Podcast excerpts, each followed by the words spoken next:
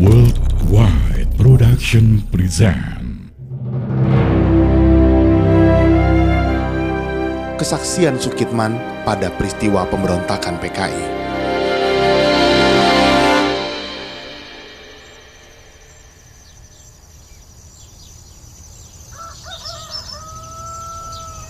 Pada Sabtu pagi di tanggal 2 Oktober, Sukitman terbangun dari tidurnya dan mulai terjaga. Pasukan, kumpul! Saat hari semakin siang, anggota pasukan semakin banyak dan mereka sudah berganti pakaian. Sepertinya sangat tidak mungkin untuk melarikan diri. Penjagaan semakin ketat. Aduh, kenapa kepalaku jadi pusing? Pukul 2 siang karena kepalanya merasa pusing, Sukitman masuk ke kolong truk untuk berbaring. Ia menggunakan helmnya untuk mengganjal kepala. Sukitman kemudian tertidur, mesti sempat mendengar suara rentetan tembakan.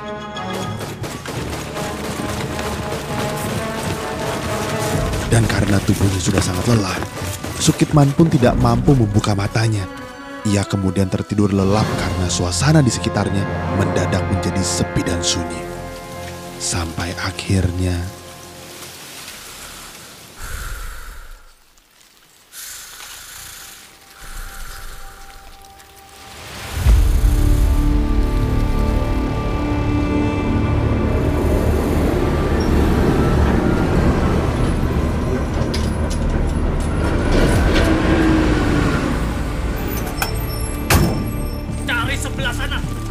Pada sore hari, tiba-tiba datanglah pasukan tentara yang kemudian diketahui bahwa mereka sedang bertugas mencari jejak anggotanya yang terlibat G30 SPKI. Pasukan Cakrabirawa itu mengenakan tanda pita putih. Ada orang di kolong truk. Eh, bangun!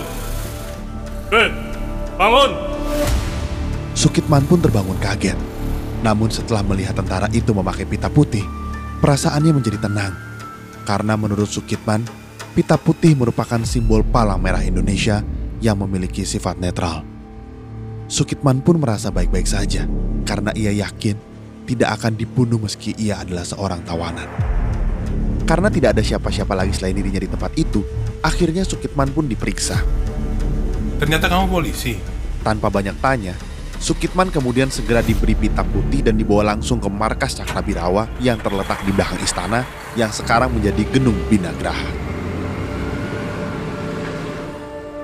Saat itulah Sukitman menjelaskan segamblang-gamblangnya apa yang dialaminya.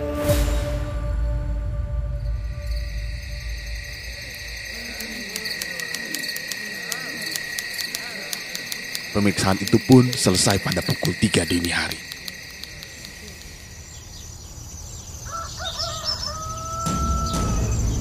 Minggu pagi Sukirman dijemput dan segera dihadapkan kepada Pangdam Lima Jaya yang waktu itu dijabat oleh Maijen Umar Wirahadi Kusuma.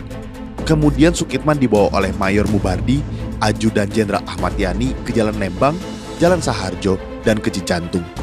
Di sana Sukitman menghadap Kolonel Sarwo Edi Wibowo. Bersama pasukan RPKAD, Sukitman segera menuju ke lokasi pembantaian. Dari Pasar Hek, kami harus jalan kaki dan langsung menyebar. Di lokasi pemberontak, pasukan musuh masih banyak yang berkeliaran. Mereka segera diberi ultimatum.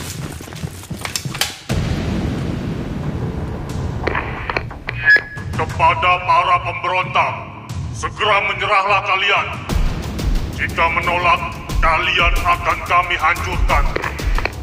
Akhirnya RPKAD dapat menguasai keadaan dan bisa menemukan sumur yang digunakan untuk menyembunyikan jenazah para pahlawan revolusi itu. Sejak hari Minggu, pukul 10 malam, Sukitman berada di bawah pengawasan Sarwo Edi dan Sukitman dilarang untuk berbicara apa pun kepada orang lain. Karena kelelahan, saya tertidur dan tidak tahu dibawa ke mana. Tahu-tahu saya sudah sampai di Jalan Merdeka Timur, melapor dan menghadap Panglima Kostrat Maijen Soeharto. Kemudian saya dibawa kembali ke Cijantung. Ada gundukan mencurigakan. Bongkar. Pada hari Senin, jenazah para pahlawan revolusi berhasil diangkat dari sumur dan segera dibawa ke Rumah Sakit Pusat Angkatan Darat yang kini bernama RS Gatot Subroto.